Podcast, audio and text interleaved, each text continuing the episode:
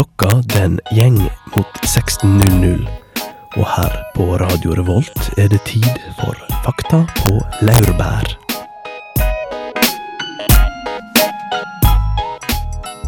Velkommen til ukas sending av Fakta på laurbær.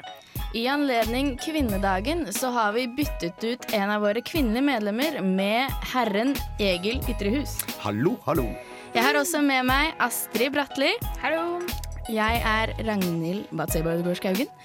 Og i dag i Fakta på laurbær skal vi prate om olje. Denne glatte, sorte substansen som gjør oss rike, lykkelige. Hva?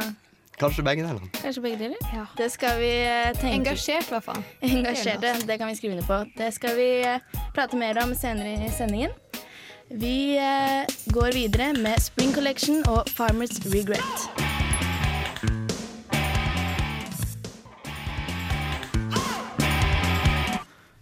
Ja, velkommen tilbake til studio.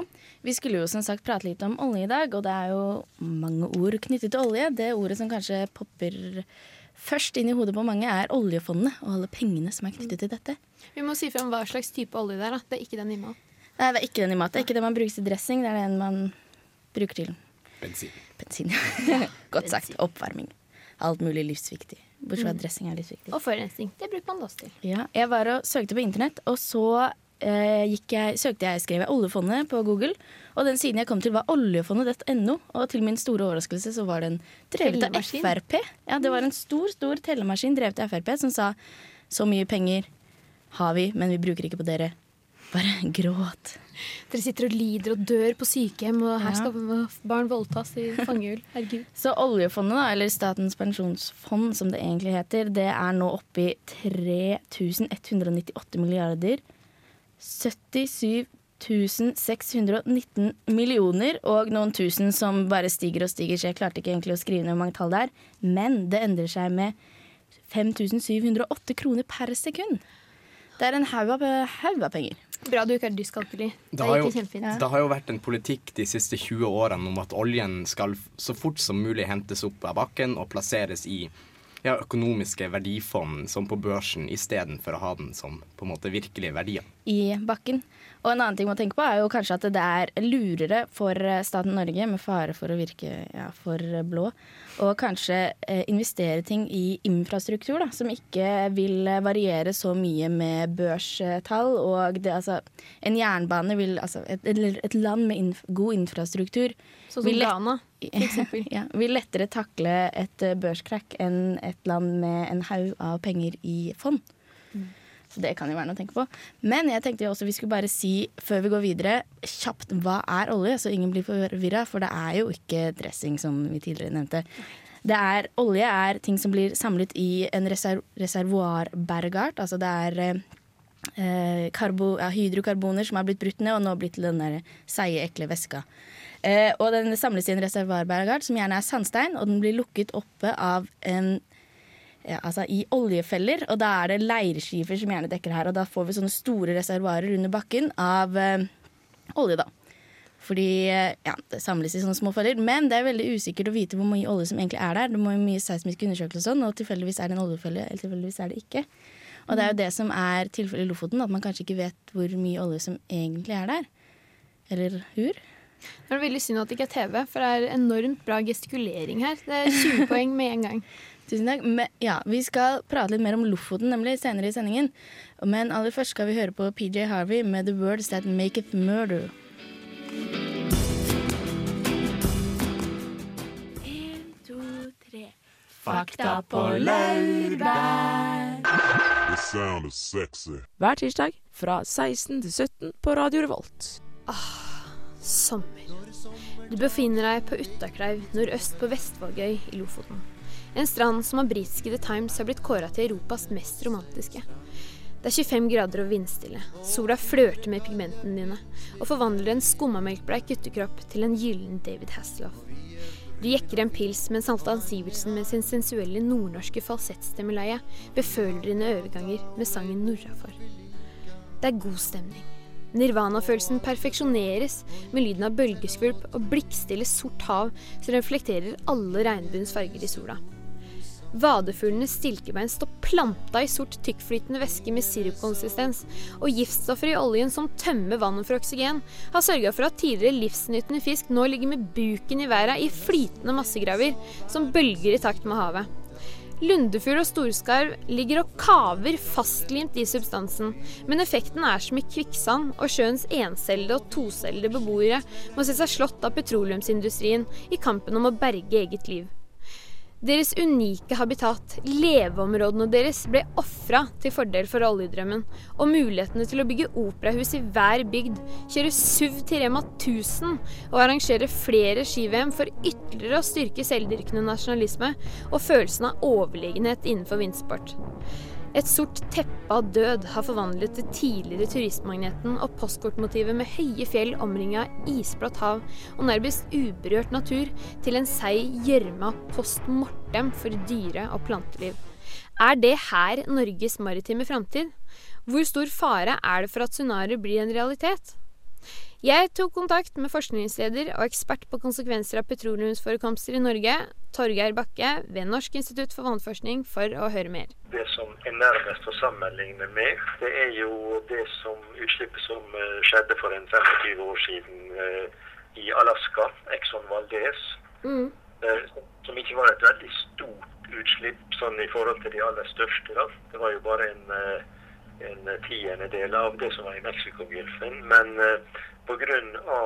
at det er i et kald, kaldtvannsområde, arktisk eller subarktisk område, og det er, var iallfall vanskelige forhold for å samle opp oljen, så viser det seg at der har effektene vart iallfall i en 25 år. De er jo ikke helt uh, forsvunnet ennå. da. Det andre momentet i Lofoten-området er jo eh, dette med sjøfugl og de store koloniene, der du har en til tider en veldig stor ansamling av uh, det som er den totale bestanden både i Norge og kanskje også i, eh, i større sammenheng. Samla på ett sted.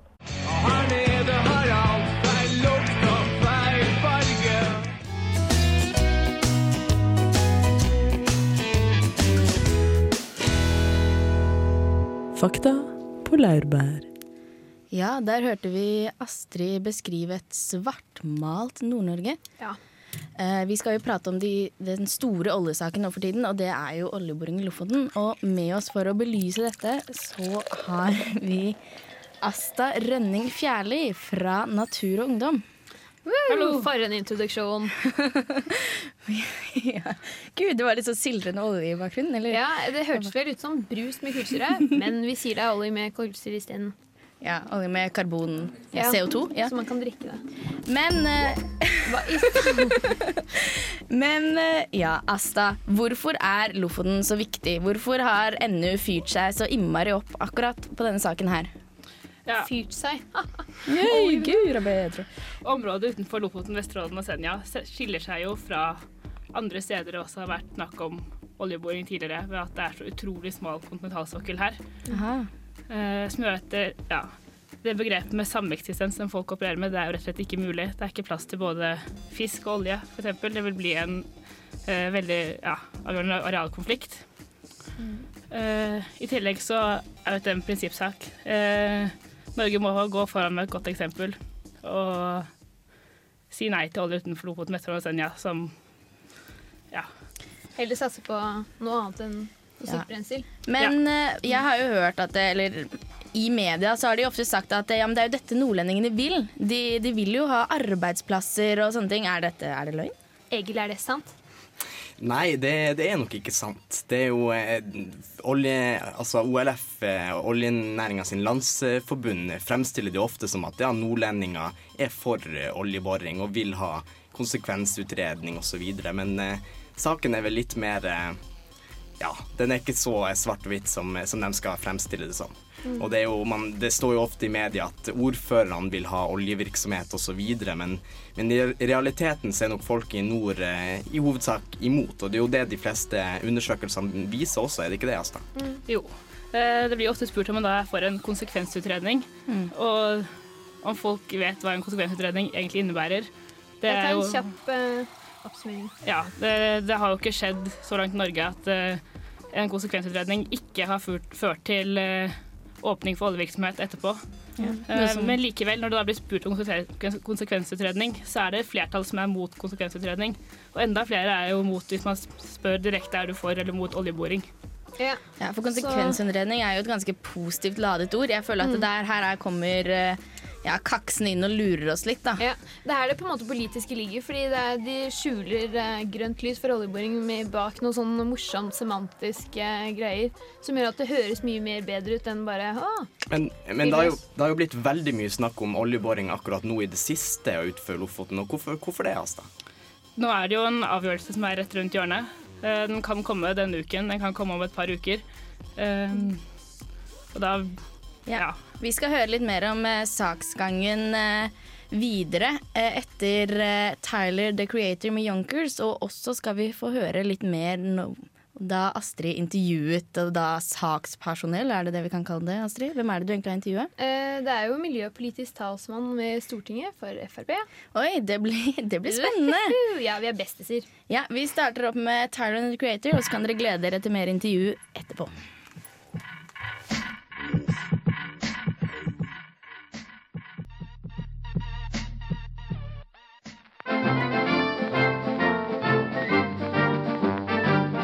Fakta på laurbær.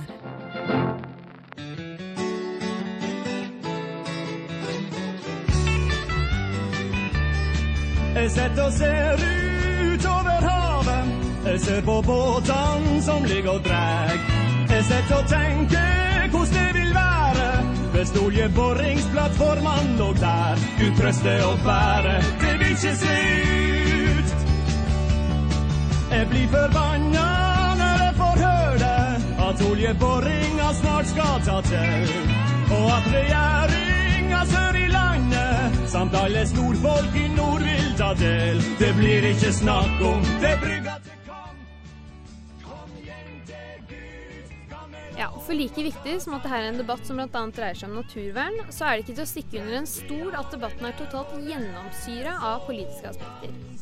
Der Frp har utmerka seg som forkjemper for oljeboring i nordområdene, så har SV vært det partiet som har vist mest engasjement på motsatt side, altså for å unngå oljeboring. Dette er det SV-representant på Stortinget Snorre Valen sa under demonstrasjonen i Trondheim i februar i år. Jeg er så sliten av å høre ordet konsekvensutredning. Og det er fordi folk driver et, et godt gammeldags taskenspill rundt ord. Det er semantiske øvelser. Vi har kommet til et punkt der tilhengerne av oljeboring i Lofoten og Vesterålen de vet at det er en dårlig sak. og Derfor sier de ikke at de er for oljeboring i Lofoten og Vesterålen lenger. De sier ja, men vil dere ikke ha mer kunnskap? Vi må jo sette i gang en konsekvensutredning. Og sannheten er jo det at en konsekvensutredning alle gangene har blitt gjennomført til nå, har ført til at flere områder har blitt åpna for olje. Og grunnen til det er enkel. En konsekvensutredning er en del av petroleumsloven, faktisk under den paragrafen som heter 'åpning av nye områder'. Vi må bare slutte å gå med på å ta den debatten, og så må vi utfordre de som er uenige med oss, til å si hvorfor de er for oljeboring i Lofoten og Vesterålen. Kloden blir varmere pga. CO2-utslipp, og vi må hindre at den blir varmere enn to grader. Og Hvis vi mener alvor med det målet, så har mange av de forskerne som har jobba med FNs klimapanel, funnet ut at vi må la store deler av den oljen og gassen og kullen vi allerede har i verden, den må ligge. Og det her er det Norsk meteorologisk institutt som har funnet ut ved tusenvis av kjøringer med superavansert teknologi. De har simulert hva som skjer ved oljeutslipp på halvparten av varigheten og halvparten av størrelsen på Deepwater Horizon. Og ved normale værforhold da, så, så dekker oljen hele kystlinja av Lofoten og Vesterålen. Vi kan tenke dere hva som skjer med strendene i Leknes, de hvite, vakre strendene med den flå av fjære og oljen som treffer inn. Da nytter det ikke å rense opp etterpå. Og olja vil i flere av simuleringene nå helt til Nordkapp. Helt til Nordkapp vil olje kunne gå. da. At så lenge SV sitter i regjering, så er det super-duper uaktuelt å åpne for oljeboring i Lofoten og Vesterålen.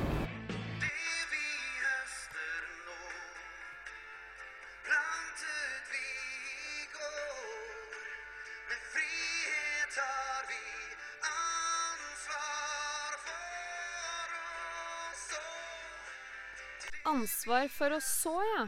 Hmm. Ut ifra FrPs forslag så er det tydeligvis ikke så mye som skal sås. Men høstes derimot, det skal det gjøres. Jeg ringte like så godt FrPs miljøpolitiske talsmann ved Stortinget, Kjetil Solvik-Olsen, for å høre hva han hadde å si om saken. Det, er viktig næring for Norge. Det er en viktig eksportnæring. Det er viktig for energisituasjonen eh, eh, både i Norge og, og i Europa, som sannsynligvis kjøper mesteparten av dette. Eh, og, det er bra for næringsutviklingen lokalt i dette området. Men er ikke fiskeindustrien og turistindustrien i Lofoten også viktig? Eh, Vi er ikke for å utvinne olje og gass der hvis det gjøres på en uforsvarlig måte, men vi tror det er mulig å kombinere gode miljøhensyn med, med god eh, ressursutnyttelse. Så dette går an å kombinere. Det handler om å vise respekt for hverandre. Men, eh, men har vi ikke nok eh, oljerikdom nå? Det er mange som stiller seg det spørsmålet om vi ikke heller burde satse mer på fornybare ressurser.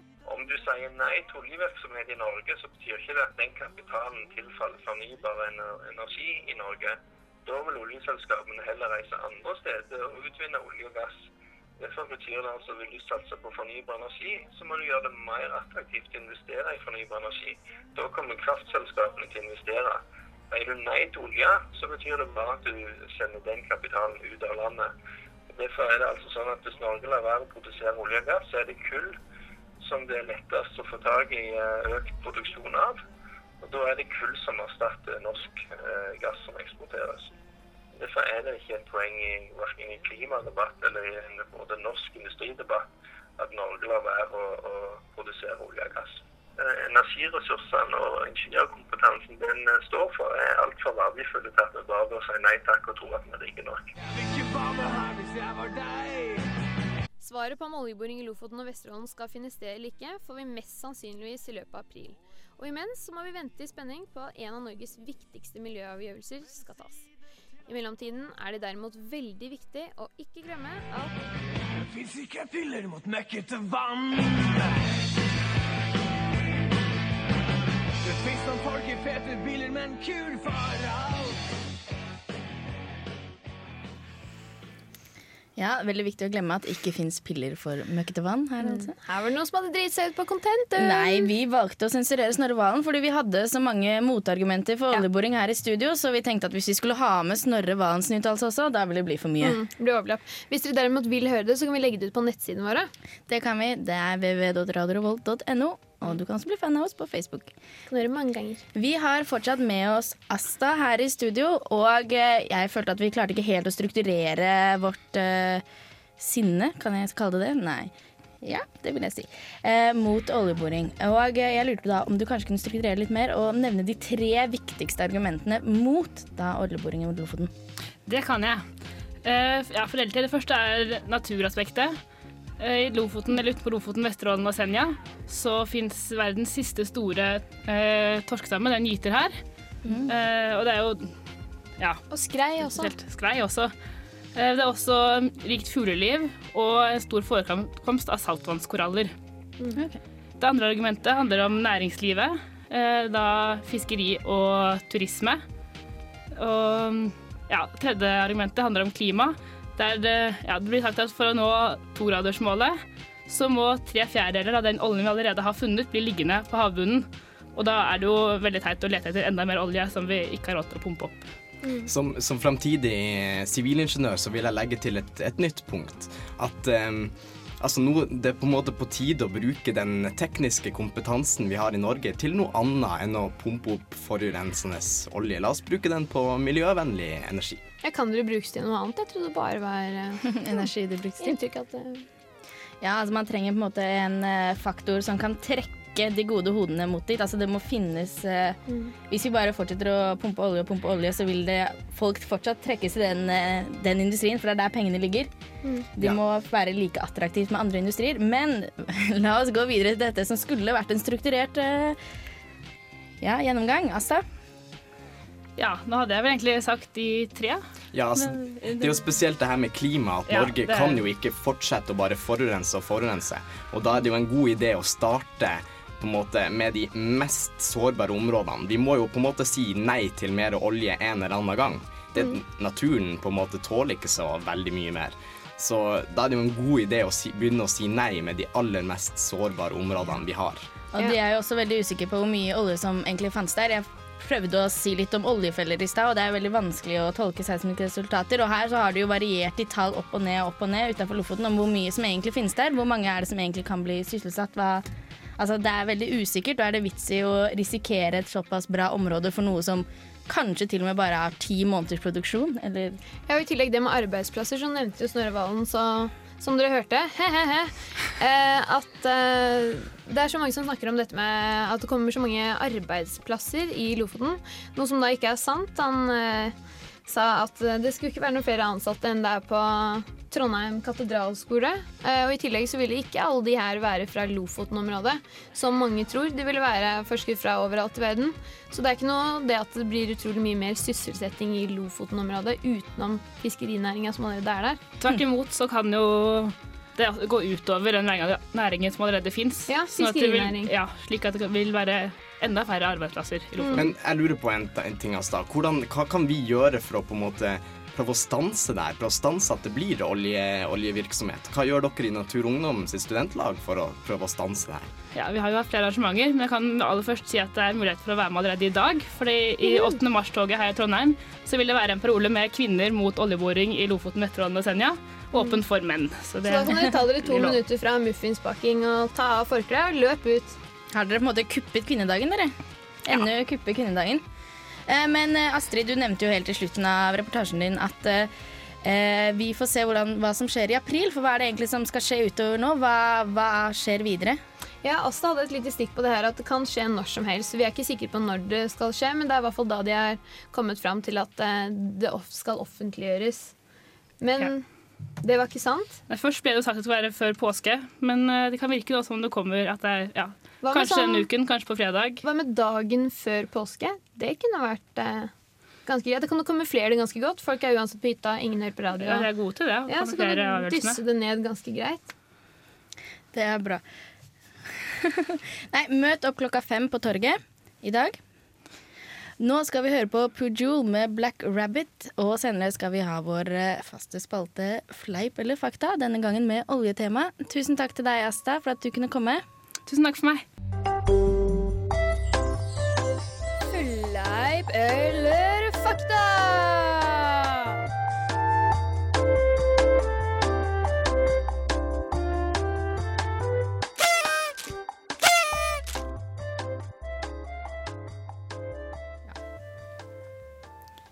Ja, da skal vi ha Fleip eller fakta her i Fakta på laurbær. Og Astrid, du har forberedt noen godbiter til oss, har du ikke det? Godbit har jeg alltid forberedt. Eh, da er det første.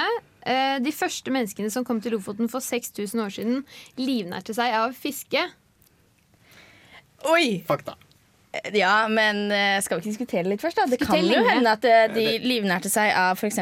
bær. At, det ikke, at det, det var ikke fisk eh, Det kanskje der, var, da? det kanskje var reinsdyr der da, på den tida. Ja, at de seg reinsdyr i stedet. Dinosaurer, helt sikkert. Det var, må ha vært dinosaur. Ja, eller kanskje ikke fisk hadde utviklet seg ennå. Kanskje de fortsatt var sånne små encellede partikler 6000 år siden? Er det 6000 Nei, Nei, vi bare tuller. De gjorde det. De gjorde ikke det, Hva ja. i all verden går det an til å leve av ellers ute på Ja, hva faen skal du gjøre i nord? Herregud. Nei da. Ja, det er faktisk riktig. Ja, det er det faktisk Så en riktig. så lang tradisjon risikerer vi altså å ødelegge og utslette. Eh, og så er det Nussfjord, som er et av Lofotens største attraksjoner. Eh, hvor du bl.a. kan leie din egen lille hytte og bo. Mm. eh, har bare 20 fastboende igjen. Nussfjord. Nussfjord, der har jeg vært. Jeg trodde at Nussfjord var et lite sjømonster, jeg, nå når jeg ikke helt fikk med meg resten av Du mener Nessie? Ja, Nessie. At det, det var liksom Nord-Norges svar på Oi, den der lille Nusse som bor i fjorden. Ja, det høres ut som en liten sel. Sånn. Men dette er altså et veldig nusselig eh, nordlandsk liten bygd der hvor det bor 20 fastboende. Da kan vi tenke oss det at det er en Det må da være mor og far og kanskje bestefar og mormor. Og eh, så har jo disse Og disse reinsdyra. De teller som familie. Reinsdyra teller som familie. Nei, altså 20 stykker. Jeg veier litt opp mot. Kanskje det er to familier. Men, men Nussfjord? Jeg har ikke engang hørt om Nussfjord. Jeg har vært i Nussfjord. Får jeg poeng? Ja. Men hvis det skal være en av de mest besøkte turistplassene, var det det du sa? Mm, eller mest besøkte mm. attraksjonene, liksom. Jeg er litt skeptisk. Jeg har aldri hørt om Nussfjord. Ja, men jeg vet ikke om det er det som på en måte er det vi diskuterer om er fleip eller fakta. Altså om Nussfjord er en turistattraksjon eller ikke. Aha. Eller om det bor 20. Da, så det er et todelt spørsmål her. Er det sant at siden det er så utrolig mange som kommer det kommer Hvert år så kommer det mellom eh, eh, 5000 og 10 000 som Oi. bare leier seg inn ved hytter. Nei. Men så er det bare 20 fastboende. Nei, vet du hva, det er fleip. Det er helt sikkert 50 fastboende. Det er 20 fastboende, altså. Ja, men, det, men det er fleip at det er en av de mest besøkte turistplassene. Nei, Nei, det er sant. Altså, vi tok feil rett gjennom hele Da blir det blir minuspoeng på Egil. Så. Eh, Er det sant at det er 401 personer som heter Fiske til etternavn? 401. Mm. Ja, fiske. Men hvorfor heter det ikke Fiskarkar? Altså ikke Giske, men Fiske. Ja, faderullan. Uh, ja, Fiske. Nei, det, det er jo Lars Fiske er det jo en som heter. Da har vi én, da mangler vi 400. Kom igjen. hvis, du, hvis, hvis du vet om én, da vet du Da noe må om det være altså, 400 til. Da er det jo sannsynlig at det finnes 400 Vi kjører på 401. Det er helt sant. Ja, Vi er i god stemning, for det er sant. 401 personer heter Fiske, så hvis du heter det, føl deg spesiell. Eh, og så er det den siste. Eh, Kari Bremnes er fra Svolvær i Lofoten. Er det fleip eller fakta? Det er det vi skal diskutere nå? Um, ja da, det, det, det to, er jo fra Nord-Norge. Ja, det er samme. Men- Nordland. Ja, Men men hvert fall Lofoten var det som spørsmålet sa? Nei. Svolvær i Lofoten. er kanskje fra Harstad, da? Kanskje Kjemnes. Jo, hun høres ut som hun kommer ikke fra Men er det ikke sånn at alt det er overfor Trondheim er det samme, tenker jeg. Mm, det er klart. Nei, men kanskje hun er fra Moskenes, da. Eller Lek Leknes. Ja, Eller Leiknes. Ja, noe helt annet. Det burde vært, Men både henne og de to brødrene hennes, og dette er sant, er fra Svolvær. Er det sant? Det er sant. oi, oi. Fy faen, jeg, Hvem er det som blir med på roadtrip opp? Blown away. Ja. Nei, da, nå skal vi høre på Sirius Mo med ideologi her i Fakta på Læreberg. Etterpå skal du få høre hypotesetest, der jeg har testet hvordan det har seg at eh, folk som spiller i korps, har den kroppsformen de har.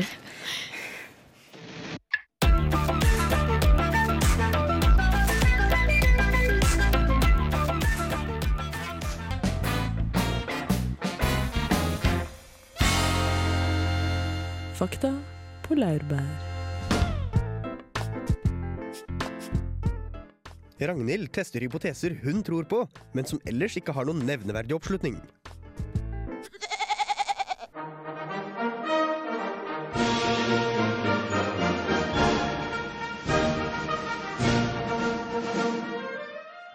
Jeg har spilt valgtorn i korps, og vi blåsere har et mantra.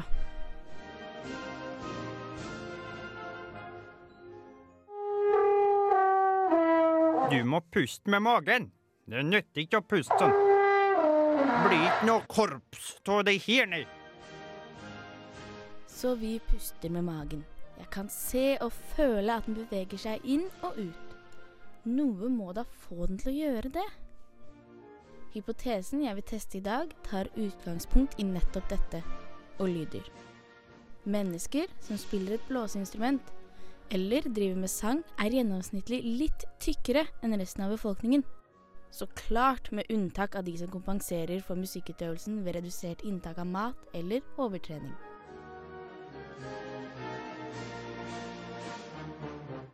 Når man puster med magen, vil magesekken etter hvert begynne å utvide seg. Man vil dermed få plass til mer mat, og man må som følger spise mer for å bli mett. Slik legger sakte, men sikkert korpsmusikantene på seg kilo for kilo. Den må du lenger ut på landet med, Ragnhild! Dit dro jeg. Noe empiri må jo til for å underbygge min påstand. Jeg spurte folk med et noe over middels midjemål om de har spilt i korps. Unnskyld, har du spilt i korps? Ja. Ja. Ja, jeg har spilt i korps. Ja. Ja, jeg har spilt i korps. Entydige resultater.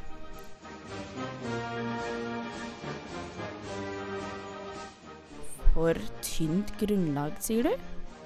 Kanskje det, men før du avkrefter det hele som vrøvl, hvorfor er operasangerinner så tykke? Følg med i neste episode av Ragnhild tester hypoteser hun tror på, men som ellers ikke har noen nevneverdig oppslutning.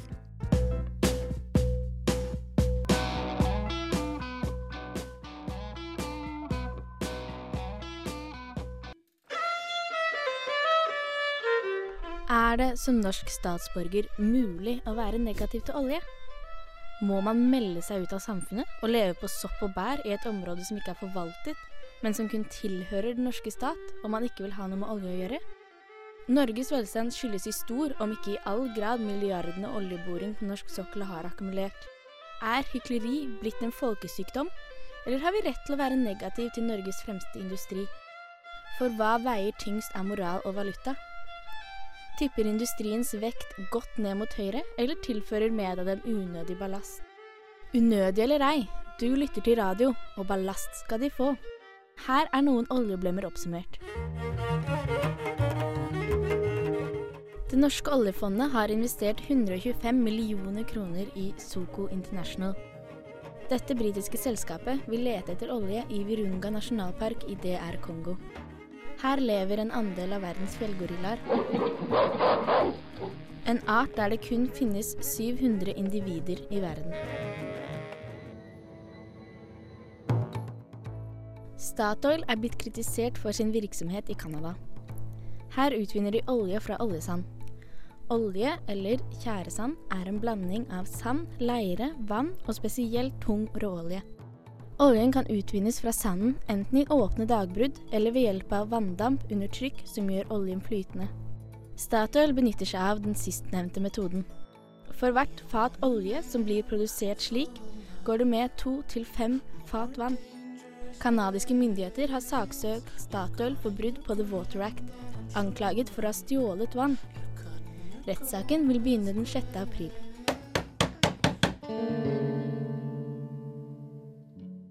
Urbefolkningen i Ecuador saksøkte oljeselskapet Chevron for 160 milliarder kroner. Søksmålet er begrunnet i selskapet Texacos miljøødeleggelser i regnskogen på 70- og 80-tallet. Man finner i dag fortsatt oljesøl i vannveiene og i åpne dammer i regnskogen. Chevron kjøpte opp Texaco i 2001 og må derfor stå ansvarlig for selskapets tidligere synder. Det norske selskapet Hydro Texaco var fram til 2006 eid med halvparten hver av Norsk Hydro og nettopp det amerikanske selskapet Chevron Texaco. I dag har oljefondet, ifølge nrk.no, aksjer til en verdi av 5,5 milliarder i Chevron. Ecuadors urbefolkning vant søksmålet, men fikk kun 48 milliarder i erstatning. Denne brøkdelen av det opprinnelige kravet forstås som bevis på at verden virkelig er Mengele Zoo.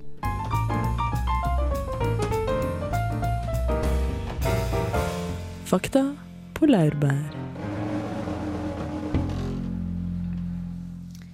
Ja, Media liker jo å prate om hvordan eh, oljefondet investerer i feil type bedrifter.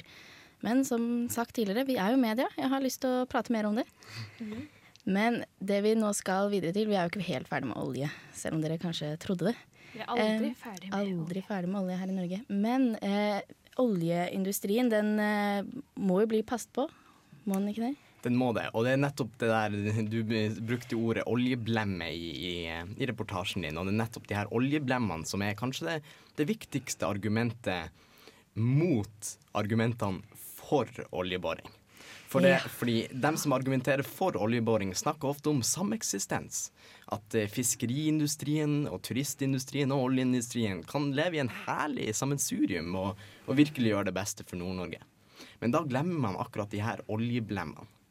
Og man eh, hører jo ofte det at norsk oljeindustri er så sikker at eh, Statoil er verdensledende osv. Og, og det er jo helt sant. Det er jo litt, eh, det er jo litt mindre dagligdagse utslipp osv. Men det som fortsatt finnes, det er de oljeblemene, de her ulykkene og nesten-ulykkene.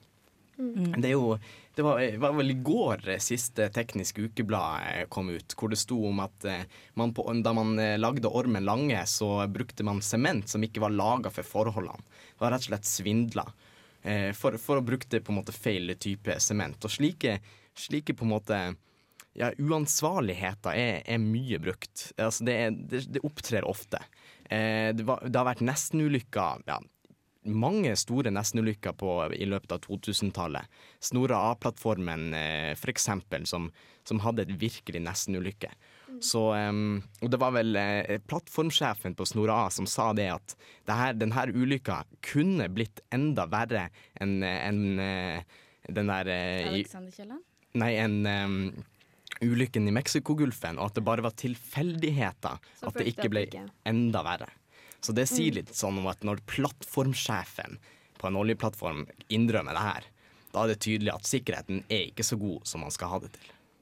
Hva kan man gjøre for at sikkerheten skal bli god? Altså, hvordan kan man forsvare ja, hvordan kan man forsvare oljeplattformer hvis det ikke er noe sikkerhet? Altså, det er, det finnes jo sikkerhetskalkyler. Driter i å bore. bore. Ja. Drit i å bore.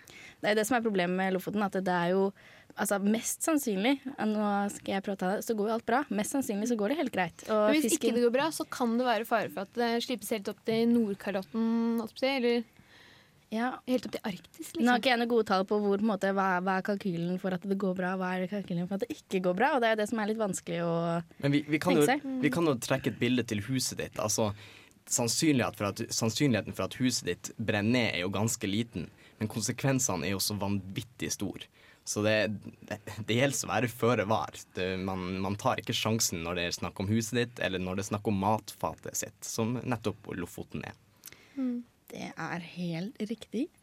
Ja, vi skal eh, snart avslutte eh, Fakta på laurbær denne uken. Nå skal vi høre på sitrussyre med lomma full.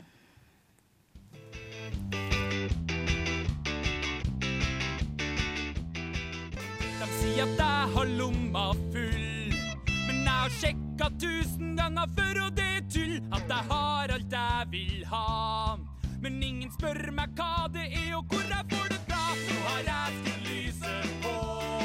Så jeg kan se deg når du peker, og så kan du Der hørte du sitrussyre med, med lomma full.